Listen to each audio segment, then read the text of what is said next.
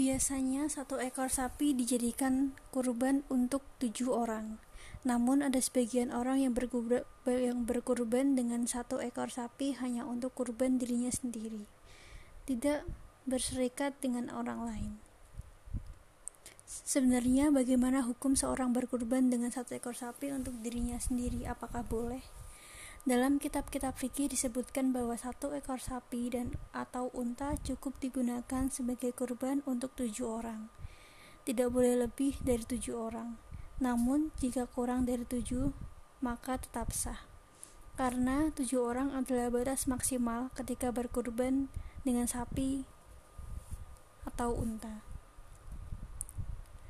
Ini berdasarkan hadis riwayat Islam Hadis riwayat Imam Muslim dari Jabir bin Abdullah, dia berkata, kami menyembeli hewan kurban bersama Rasulullah SAW pada tahun Hudaybiyah dengan seekor unta untuk tujuh orang dan sapi untuk tujuh orang.